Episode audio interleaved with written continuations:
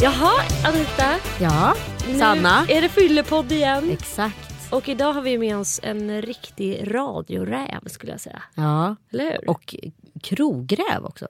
Krogräv, radioräv, golfräv, Medieräv. mediaräv. Finns det några mer eh, presentationer du känner att du vill ta? Eller Anders Timell? Nej, det där var väl bra. något? Ja, det räcker väl. Välkommen till Fyllepodden. Hur känns det att vara här? Eh, bra. Eh, vilka fina lokaler ni sitter i. Jag blev eh, imponerad. Eh, trodde inte att det var så här fint här uppe. Mitt i stan sitter vi. Exakt. Mm. Det går bra nu. Ja. För Acast. Vad kul att du är här idag. Vi Mm. är jätteglada. Och jag sa precis i vårt lilla försnack här att det känns som att du är en person som typ inte har tid med sånt här egentligen. Vi lyssnar ju på dig varje morgon, jag och mina barn, i bilen på väg in till stan. Mm. Och sen så stöter man ju på dig titt som tätt, liksom på Rish och eh, i Vimlet och hit och dit. Mm, ja, Vimlet vet jag inte så mycket kanske, men på Rish är jag ju ganska ofta och Teatergrillen. Eh, jag undviker att gå på premiärer och andra saker. Däremot rör jag mig på stan mycket, det tycker jag är kul. Eh, det har varit så jäkla lång vinter nu så jag försöker cykla så långt det går. Men idag tog jag faktiskt bilen och det var idiotiskt. Men, så det är klart, jag tycker om att vara på stan, det är härligt. Jag bor uppe på eh, Sankt Eriksplan vid Vasastan, Rörstrandsgatan. Så det är en sån här skön cykel, cykelväg att ta. Det tar 10 minuter, en kvart. Men det, det är härligt. Men du, när sover du? Jag sover mellan eh, 11 till halv 12 till kvart över fem.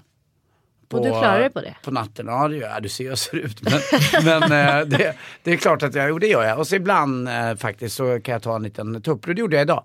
Eh, men det får inte vara längre än 20 minuter för att då blir det fel. Så jag sätter klockan på ringning och är i, i 20 minuter, en kvart. Och då har jag en halvtimme på mig. Då somnar jag alltid så jag har ingen stress över det. Så du kan alltid varva ner liksom? Ja, det tycker jag. Men jag märker också att när jag är ledig, då blir jag oftast sjuk. Eh, eller får ångest och mår inte så bra. För att eh, genom att jobba så stöter jag bort det som eh, vill komma åt mig. Och ja, mest är det ju tankar, sånt där som man inte riktigt tar sig tid till att tänka. Som, kommer- till exempel? Ja, det kan vara att jag, att jag just jobbar för mycket och att jag, saker som jag inte ens tänker på som kommer till mig då som eh, jag inte ens ägnat en tanke åt. Och eftertanke vad som håller på att hända med livet, vad man ska göra och jag är 52 år snart och man börjar inse då att det är ett slut, att det finns en, en ände på livet lite grann. Eh, sådär. Så att, eh, det är klart jag tänker på sådana saker. Existentiella tankar kommer åt Anders Timell. Mm, lite där lediga som, stunder. Ja, lite grann det där som kanske för många är mellan tre och fem på natten. Vargtimman kallas det för. Det är då flest människor dör också. Jag tror att kroppen går ner eh, i försvar lite grann när man blir eh, lite mjuk helt enkelt. Men man kan ju vara Ja, somnar man om så vaknar man klockan sju så man är en helt annan människa. Men så kan jag bli en hel, eller två, tre dagar. Så min tjej eh, Lotte brukar säga till mig, är det inte bättre att du har semester innan semestern så slipper jag gå omkring med en kille som har ångest de första fyra dagarna. Introduktionssemester. Ja men lite grann och det har nog en, en Det poäng ligger i. något i det. Ja. Det är ju precis när, när liksom semestern är på väg att ta slut. Det är då man är så här, gud nu skulle jag kunna vara ledig ett år. typ. Mm. Men du, du har ju jobbat i, i krogmiljö i en herrans massa år. Mm. Och eh, detta är ju Fyllepodden och, och då tänker man ju självklart så här, hur har du liksom, alltså själva kockyrket, eh, servitörsyrket, att liksom befinna sig i de miljöerna, de är rätt eh, risky. Verkligen, det är inte alls bra om man har en benägenhet att eh, börja dricka. Mm. Eh, det är livsfarligt, det står alltid en flaska öppen, det är alltid en ölkran som finns tillgänglig. Man kan smussla hur mycket som helst. Men nu har jag ju turen att jag, att jag jobbar på radio på morgnarna. Och jag bestämde mig ganska tidigt, det var Adam Alsing som sa åt mig när jag jobbade med honom, att eh, det här är på riktigt, hit kommer vi inte bakfulla. Eh, och det här är ju 15 år sedan nu och eh, fortfarande så är det ja, kanske fyra, fem gånger per år som jag har druckit alkohol, alltså lite alkohol bara, en kväll innan. Eh, en vardag, så jag dricker aldrig alkohol i veckorna. Sen kommer jag väl från en familj också som, eh, där min mamma drack lite mycket, eh, vilket jag inte visste om. Eh, för hon drack eh, när jag var liten, sen insåg jag lite senare eh, egentligen att mamma var hemmafru, då hade vi inte så världens roligaste. Pappa jobbade mycket och eh, jag var sladdbarn så jag var sista barnet. Så att, eh, jag, jag har försökt vara lite försiktig med alkohol men det har alltid funnits alkohol i min närhet även eh, med mamma och pappa och med mina syskon och sådär. Det har alltid varit det liksom man träffas på högtider och annat eller någon fyller år eller ja, det kan vara en lördag eller en söndagmiddag så har det alltid funnits alkohol med. Och det är en väldigt stark drog. Men hur yttrade sig det för din mamma? Alltså vad tog det för uttryck? Ja, hon drack varje dag tror jag. Ja. Mm. Men lever hon idag? Nej, mamma lever inte. Hon dog eh, 71 år gammal i lungcancer. Eh, men det var, ingen, eh, det var ingen som drabbade mig, eh, tror jag. Det, det kanske har drabbat mig lite grann att jag är den jag är.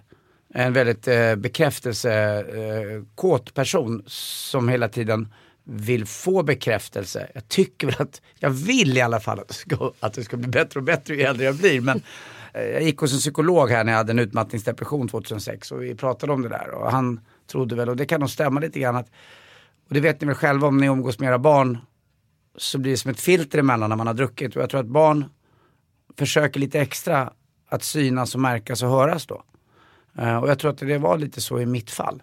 Eh, men jag märkte inte av förrän jag blev äldre. Och eh, när mina syskon berättade lite grann att mamma hade lite alkoholproblem. Och, och på den tiden det var ingenting man pratade om. Det fanns ju inget, det borde ha funnits något som heter Fyllepodden på den tiden också kanske. Varför man vågade prata om sånt här. För jag tror att det är mycket, mycket vanligare än vad man, vad man tror. Och eh, av den anledningen tror jag också då, om jag kommer tillbaka till att jag, att jag försökte då komma igenom lite grann. Det var ju inte så att min mamma låg, låg och kräktes i någon som en alkistant eller, eller gubbe eller så. Utan, men jag tror att hon dövade ibland sin smärta av att pappa jobbade mycket och att eh, det var tråkigt att vara hemma jämt. Men du har ju en egen son som också jobbar i krogbranschen. Mm. Hur pratar ni om det här? Jag försöker förklara för Kim när det är och att, eh, att du ska försöka dricka alkohol, att det är förknippat med något roligt.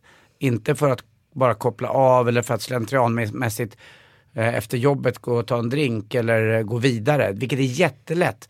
Framförallt jag som jobbar nere i city och även Kim, eh, så är det så mycket lockelse, det är mycket tuffare, folk är hårdare, folk är rikare, folk knarkar mer, folk dricker mer. Eh, det ska spelas lite tuffare. Byter du bara en malm upp, där jag jobbade ganska länge på Odenplan, på Tranan, då är det mycket lugnare, det är mer landsort, det är finare, det är kär, lite, mera, lite mer äkta. Och man kommer inte in i det här smetiga direkt. Du kommer rakt ut i stadens brus liksom om du jobbar, jobbar nere på stan så att säga som jag gör. Så att jag försöker verkligen varna Kim eh, och han har väl själv börjat fatta lite grann vad det innebär. Han är 24 år nu. Och, Ja, men då befinner han sig mitt i liksom riskmålgruppen. Ja det är klart och det är jätteroligt och alla vet också lite vem han är och han kommer in på olika ställen och eh, de känner ju varann och ja, det ena med det andra och det är svårt att säga nej och äh, jag ska bara ta ett glas men de flesta med mig som lyssnar på det här vet ju hur det är. Tar man ett glas kan det jättegärna att man tar två glas. Så börjar man tycka att "Ja, men så här kommer jag må när jag vaknar. Vilket man inte gör. Utan man får ångest. Eh, och eh, så dövar man det igen. Och så tror man att det ska bli bättre. Men det blir det inte. Tröttnar du inte på fulla människor? Jo men eh, nu är det så att jag försöker, som jag sa innan, på vardagar så är jag i säng i alla fall vid halv tolv. Och då slipper jag det värsta. Vi, när man ska sätta en kväll när man jobbar i restaurang, Eh, då är det bra att du är med från början om vi pratar kväll. Att du är där från fem, halv sex. Ta hand om gästerna, se till att de sitter på rätt ställe och att de mår bra och att eh, det är en trivsam eh, stämning. Sen ju längre tiden lider, ju svårare har det att nå fram till en gäst. Som jag sa innan, det var ungefär samma sak som jag hade svårt att nå fram till, till min mamma. Alltså folk som har druckit är ju inte så kommunicerbara och tror att de är världsbäst på allt. Så att vid 11, halv 12 är det bara att släppa dem. Eh, det finns inget att göra och eh, sen är det också så att eh, vi har ju en, eh, en, en, några dörrvärdar och annat som har lite koll så att det inte blir för mycket. Det är ju inte vårt mål att, att fylla folk så mycket som möjligt. Eh, Men ibland kan det bli en överservering och det kan ibland vara också att folk kommer från ett annat ställe och de märker, man märker inte av det förrän de tar en drink till och då är de förbi. Och, så att det är lite, det är klart, det är tufft det där. Det är, det är en hårfin skillnad mellan att man, man är charmig till att man är jävligt jobbig. Är du med och placerar? Nästa ja, ja det är det enda jag gör. Ja, berätta. Hur ska man tänka då? Ja, det är Du är klart. expert på det här. Ja det är ja, det. Är. Det, är, det är nog jag bäst i Sverige på Ja, jag säga. jag säga också. Mm. Lätt. Eh, jo det är så att du har ju en bordsplan eh, när gästen kommer in. Och så har du ett namn. Och så är det en person som kommer in. Och när personen kommer in, eh, i alla fall på Rish, och det är vår styrka, det är att eh, du tar gästen på en gång. Det är två meter in genom dörren och sen har du gästen där. Så att, eh, och det är väldigt viktigt att gästen blir sedd på en gång så att de inte får gå runt och känna sig lite dumma och lite bortkomna. Utan de vill ju gå på Rish för att bli eh, förmodligen eh, väl omhändertagna. Så att eh, då tittar du på gästen och så har du namnet där och så kanske inte, ah, du känner att den där gästen ska nog inte sitta där. Det här är ett äldre par. Det är olika stökighetsgrad på Rish. Så då får du hitta ett ställe där de kanske skulle trivas istället. Istället för att du helt paragrafrytterimässigt säger att där ska de sitta, för det stod ju faktiskt så. Och där försöker jag lära min personal så mycket som möjligt att, att våga det. Att eh, du, du får en roligare och mer levande spelplan för alla att vara på. Det är jätteroligt. Sen ibland har jag ju koll också på vilka som är separerade eller inte. Jag kanske inte skulle sätta dig eh, bredvid några som jag vet du inte skulle trivas vid. Eller eh, affärsmässigt också, inte bara med kärlek utan med, med affärer eller med ja vad det nu kan vara, polare eller så. Och ibland kan man ju jävlas med flit också, sätta folk nära. så det där är jätteroligt. Det? Ja, det har hänt någon gång. Berätta om en riktigt skruvad kväll på Rish. En, en fylla som är episk. Ja, det har funnits några sådana inne på Teatergrillen, några sådana uh, riktiga hotshot-race. Eh, för några år sedan. Då var det kul. Det var väldigt mycket mediamänniskor och tyckte det var väldigt roligt att sitta och skråla och sjunga och hålla på så där. Så det är klart det finns skruvade kvällar men det gäller att hålla dem i schack lite, lite grann i alla fall. Eh, så att eh, det gäller att vara försiktig också med människor för att vissa är ju väldigt sköra också. Och sen är det ju styrkan också för mig att jag insåg också ganska tidigt att även affärsmän har hjärta och, och själ. Eh, och tycker om att bli sedda. Så alltså, man får säga något fint till dem också. Inte att hur rik du är utan vad fin du är vad härlig du verkar och mm, nu är det kul att få prata med dig. Du verkar ju vara någon helt annan än den man tror. Så att eh, det där är viktigt. Sen försöker jag också lära min personal att läsa lite tidningar och vara med lite grann. Läsa Dagens Industri eller Resumé eller bara veta om människor. Det är rätt viktigt det där. Folk tycker om att bli eh, kommenterade om man säger att ja vad kul jag såg att du bytte jobb eller ja är du där nu, vad kul. Och jag älskar det där och då blir det ett så här skönt snack på krogen. Jag älskar det. Tror du att du är en eh, attraktion på Rish? Tror du att mycket människor utifrån landet kommer och besöker Rish för att du är där? Ja, det tror jag att de gör. Mm. Uh, absolut. Det märker jag också. Det är bara roligt. Jag älskar det. De kommer dit och käkar och tar bilder eller vill vara där eller man går fram och säger något. Man ser på dem också att de vill bli kommenterade eller sedde att jag går fram till bordet. Men det hade jag gjort i vilket fall som helst. För jag går runt till alla gäster hela tiden och ser till att de mår bra. Och jag är väldigt mån om att de mår bra. Uh, så att, och man ser ganska fort också om en person inte är från Stockholm just. Alkohol kan vara gott och öka trivseln men det ställer också till många problem. För de som dricker och för de som finns intill och för samhället. För att det ska finnas en motkraft och för att människor ska reflektera över sitt drickande finns den idéburna organisationen IQ. Vill du veta mer? Kolla in iq.se. Men att vara så där glad, för det känns ju generellt som att eh, eh, du också är en väldigt glad person. Men du, som du nämnde här tidigare på den så har du också drabbats av eh, utmattningsdepression och mm. mått skitdåligt. Ja, verkligen. Kan du berätta lite grann vad var som hände där? Ja, det var så att jag väl under många år hade försökt fly lite grann och till slut fanns det inget att fly till utan jag gick in, jag vet inte om, jag, jag fick en utmattningsdepression. Jag tror inte bara att det var jobb utan det var nog ett helt liv som kom ikapp mig lite grann. Uh, och precis som du sa, man, jag log utåt men inombords ibland så, så brast det. Uh, så att, uh, men det gick inte så långt som till att jag, jag hade tankar på kanske att inte vilja leva längre men gick inte längre än så. men under den här perioden hade jag väldigt tur också med goda vänner som hade någon telefonkedja som hjälpte mig, bland annat min bror och en vän som heter Olof och PG då. Uh, Krögar-PG från Sturehov och Rish han som, den stora ägaren. Mm. Och då hjälpte de mig väldigt mycket, vilket jag inte visste om, men de fanns där som ett skyddsnät eh, runt mig. Och jag hade jättegoda vänner som hjälpte mig också. En, och på den tiden, då Therese som jag levde med som var fantastisk. Men hon, hon, hon myntade faktiskt något jävla bra uttryck på mig. Antingen är du en irländsk sitter eller så ligger du ner som en amöba, vilket jag gjorde när jag var död. Och, och finns det ingen mellanting. Men hur kunde du själv, insåg du själv när du var i amöbestadiet att så här, det här måste jag ha hjälp med. Ja, ja, ja absolut. Ja. Jag trodde också att, att det här var det stadie som jag kommer befinna mig i resten av livet. Kändes det så? Ja, och det, det fina med en depression, om man nu pallar, det är att den faktiskt alltid går över. Det finns ingen depression som håller hela livet. Det fick jag också lära mig. Men det är många som inte pallar det där. Mm. Och sen är jag livrädd för fortfarande, det är ändå 11 år sedan nu, att komma tillbaka till det där. Men ibland får man stå ut med att det gör ont lite grann i kroppen. Likaväl som att man är glad. Och jag försöker stanna längre i båda delarna. Att jag, förr i tiden kunde jag ringa någon av, av lycka. Alltså, inte att jag blev lycklig av att jag ringde någon utan när jag var lycklig så var jag tvungen att dela det med någon hela tiden. Nu försöker jag hålla det i mig. Och även på nätterna så försöker jag stå ut med känslan av att det gör ont eh, och det får gå över. Men det finns ju en mening med att man får ångest. Det är ju kroppens sätt att säga att nej vet du vad Anders, det här är inte hundra. Eh, nu får du faktiskt eh, ändra på någonting. Mm. Och att jag tycker också till er som lyssnar att, att ni inte är ensamma om det här, har de här känslorna utan det är väldigt många som har dem. Eh, och våga prata med människor för jag lovar att ni kommer känna en eh, samhörighet med massa människor. Man känner sig ju galen stundom. I, Ja. i de där känslorna för man är så ensam i det. det är Ja. väldigt, ja, men jag tycker också att det är någonting väldigt sorgligt i att vi vet så lite om det där. Så det är först när man hamnar i det som då öppnar helt plötsligt väldigt många käften och bara gud jag har själv också mått sådär. Och, och, alltså, då öppnas det som en helt ny värld för en. Men eh, fram till den punkten när man själv börjar må dåligt då är det som att det inte har existerat i världen för det är ingen som pratar om det egentligen. Nej, för lika glad som jag kan känna mig ibland, lika låg kan jag också känna mig ibland. Och då får man tänka att det är inget fel att känna de här ytterligheterna. Utan, eh, men, En del av spektrat. Ja, det är lite grann. Första gången jag träffade dig var tror jag 2002. Mm. Och då spelade du in en film som hette Klassfesten. Ja, just det, det var 2001. 2001. 2001 var det, för det var 9-11 var det då. Uh, Kommer jag ihåg, vi spelade in den då. Just det. Mm. Eh, var det din liksom inspark i mediebranschen på något sätt? Nej, jag hade nog jobbat i radion, fast eh, på lokal nivå i Stockholm som heter Radio City. Jaha. Eh, gjorde jag, eh, med eh, en tjej som hette Ina Jönsson. Som jobbade med Jesse Wallin som numera jobbar på Mix Megapol också. Sen eh, försvann Jesse då till vidare till Mix Megapol med Jesse och Logna.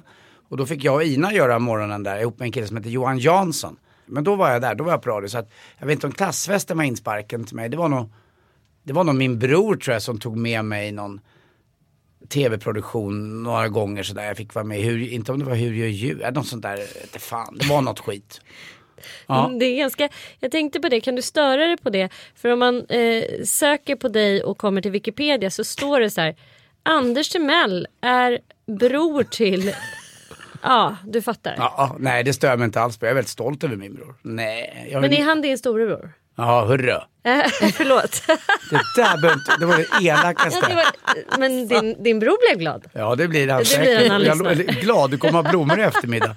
Eh, Martin fyller 60 år, jag är 52 i år. Så det skiljer åtta år.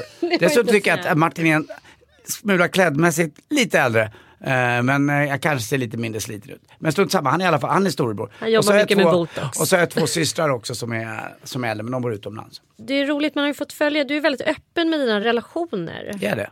Ja, jag tycker du pratar varje morgon. Det är Therese och det är nya, det är nya tjej här, Lottie. Lottie. Mm. Och sen var det någon däremellan va? Ja, Emma. Emma, Ja, ja. just det. Emma, Therese och Lottie. Jag vet mer om dina tjejer eller dina kvinnor Mm. än typ ja, Än om din man. en av mi- mina egna. Ja. Ja. Ja. Det känns som att du är en relationsman. Typ. Är du det? Mm. Det måste jag jag nog säga att jag är. Jag var ju singel ett tag här. Hur gick några det? månader. Nej, det är inte min grej. Jag, Några månader. nej men jag vet, det var nog kanske för lite. Men jag träffade Lottie och då, då blev det rätt till slut. Eh, vi dejtade ett tag och så sågs vi inte över sommaren. Men så efter sommaren när vi träffades så kändes det jättehärligt. Både för henne och för mig. Men innan dess när jag var singel i några månader så var jag inte ute och eh, eh låg runt. Eh, utan jag gillade, jag vet inte, jag var mest ledsen. Jag var så här ledsen att jag var ensam. Eh, och, och var i det ganska mycket. Jag skulle kanske om jag hade önskat varit i det längre. Men nu blev det som det blev. Så att, och det är jag också glad över. Men eh, nej, det var ingen sån där, jag tror det är en sån där myt som man tror, när man är i förhållanden så tror man att singelkillar eller singeltjejer är så jävla lyckliga. De kan göra vad de vill, de får gå hem med vem de vill. Och så de som då är singlar, de tycker att alla par är så jäkla lyckliga och det är så mulligt. Och det, vi vet ju alla ungefär hur det är. Ja. eller hur? ja. Men, hur är du i relation då? Vem är det? För nu är ni förlovade. Mm. När ska ni gifta er? Eh, vi har pratat om eh, Vi har pratat om nästa sommar. Ja. Ja, har vi gjort. Varför var det så kul? För att jag aldrig pratat om det förut. Så här i alla Kul fall. för dig. Ja. Det- Vart någonstans ska det vara? Det säger jag inte. Nej. Men hur är du i relation då? Vem är du som man i en relation? Mm, jag är lite självisk tror jag ibland. Eh, med mina saker. Jag försöker bättra mig att inte göra om samma fel i min nya relation. Som jag var i mina förra relationer. Eh, inte vara för retlig, vilket jag kan vara. Eh, det är som att jag ibland inte står ut med att det är bara jag är. Utan att jag måste ha en reaktion hela tiden.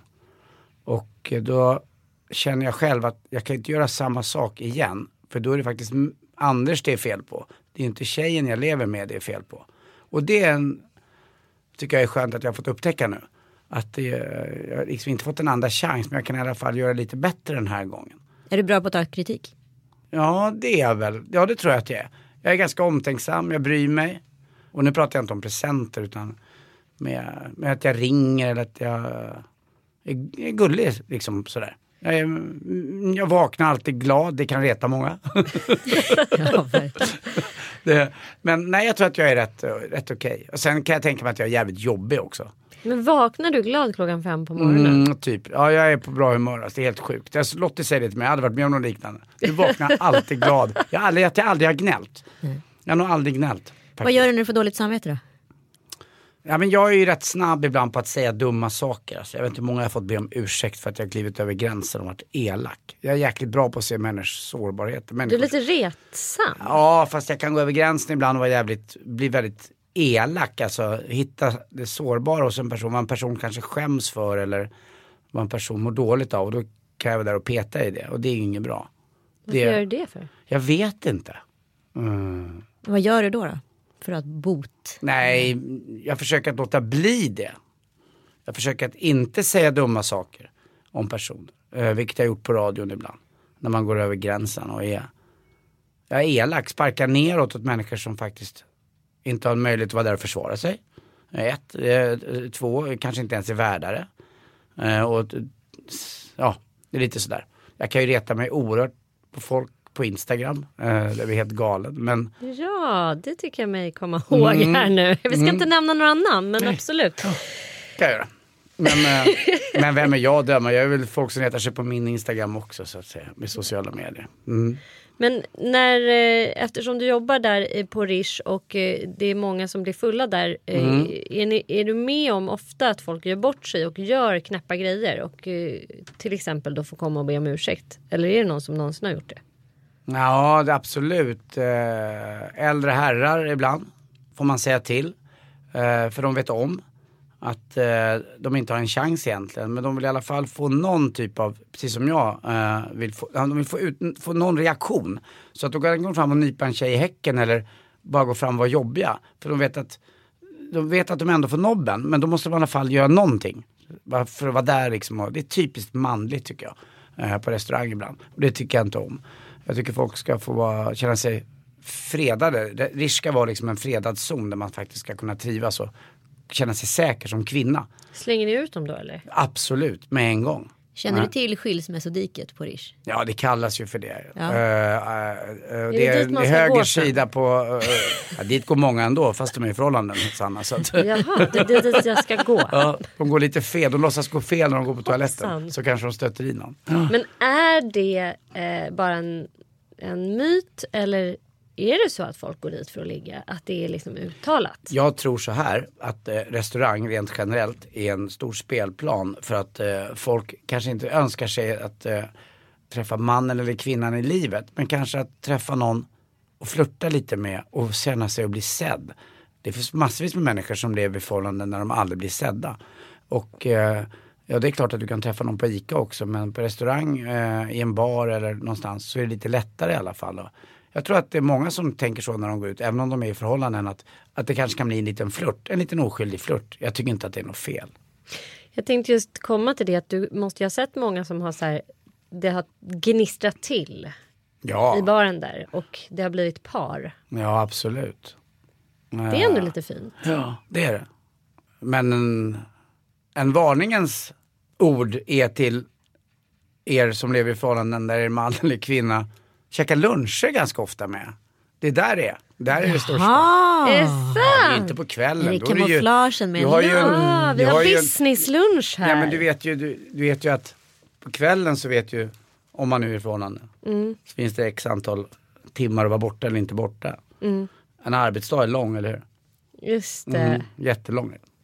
Anders, tips Oj, från oj, coachen. oj, oj, oj. Så att, eh, Du kan bli så du kan ha undercover otrohet agent. Nej, kan jag, vet inte, det, jag vet faktiskt inte vad folk gör eller inte gör. Men jag tror att det är större risk kanske att folk eh, bokar, eller inte bara luncher, men att de träffas kanske dagtid. Hur de gör det vet jag inte. Det behöver inte vara Rish inblandat i. Utan det kan vara vad som helst. Gymmet eller vad man nu säger. Innebandyn eller, Ja. eller vad man nu, eller gå och hopp, ja, gå, gå, ta dressyr en timme. Jag vet inte hur tjejerna gör. Eh, men nå, någonting sånt kan jag tänka mig. När var du full senast? När var jag full? Jag var full masters, söndagen, förra söndagen var jag onykter. Uh, och satt och tittade på den i Dubai väldigt länge och drack några bärs och somnade i soffan. Och drack en whisky också gjorde jag, absolut. Uh, försöker undvika starksprit, det är inget bra. Ditt värsta fylleminne? Ja, det är nog på en Ålandsbåt med, eh, precis i början när jag hade träffat Therese. Den ångesten jag hade, nere i någon hytt längst ner och det här brummet från maskinerna och isen som jag tyckte kraschade in i hytten. Och, så jag tog till vänster så öppnade jag en, en Schweppes, vi här blandade klara gin tonic på burk. Och det var liksom, uh, tog jag en klunk med en sån och fick jag lugn i kroppen. Men innan dess, alltså, den ångesten var ingen rolig. Uh, tyvärr. Så att eh, det, det, var, det var ångest på riktigt. På, du vet man är långt från land. Man är ute någonstans och ingen, man är långt till mamma. Ja. Du nämnde lite tidigare att du är hela 52 år gammal. Mm. Och du har ju varit i både krogbranschen och mediebranschen under liksom många år. Mhm. Tycker du att du kan se eh, några trender så här, alkoholmässigt? Vi har ju varit inne på det att, så här, att det är lite hippt nu att typ vara nykter. Faktiskt, det är kul att du säger det, det stämmer. Eh, jag tycker att det börjar bli lite mer åt det hållet. Eh, att folk faktiskt eh, inte dricker så mycket alkohol på det sättet. Däremot så blir jag oerhört förvånad hur mycket droger det finns ute i, på stan. Alltså in, utom alkohol där, där med, med kokain och annat. Framförallt kokain. Och jag ser inte det, jag är för gammal. Eller så är det för att jag inte sysslar med det. Däremot kan jag se direkt när en gäst kommer in på lunchen om den personen ska beställa en starköl. Det ser jag innan.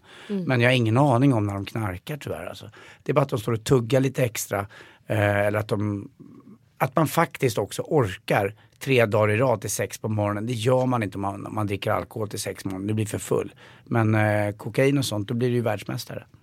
Så att, jag vet inte hur vanligt det är med det. Men alkoholen tycker jag klingar av mer, mer och mer. Och att folk faktiskt går ut och äter mer och sen kanske går hem.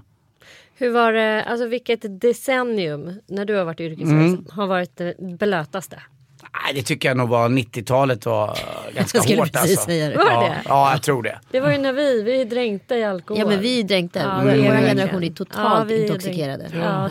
Det var- nog lite så. Jag tycker folk är lite mer medvetna om vad de stoppar i sig nu eh, med mat också. Ja, men fan, vi var ju tonåringar och klämde en vinare på förfesten. Sen skulle man ju liksom ut och så skulle man dricka hur många enheter som helst och sen var det efterfest. Säger du enheter, vad vuxet. Ja verkligen. Ja, är snyggt. mogen. Hon har gjort x antal, vad heter den här nu, alkoholprofilen.se.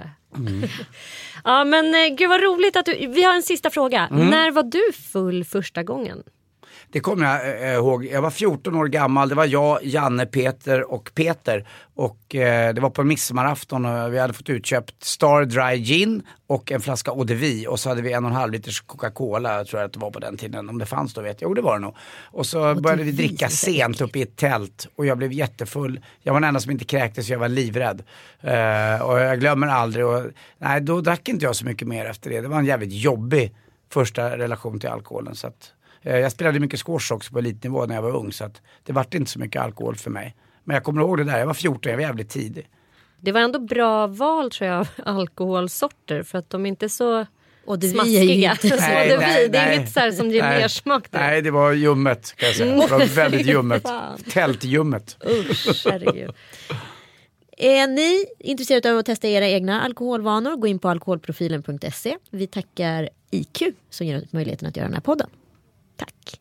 Tack. Tack själva.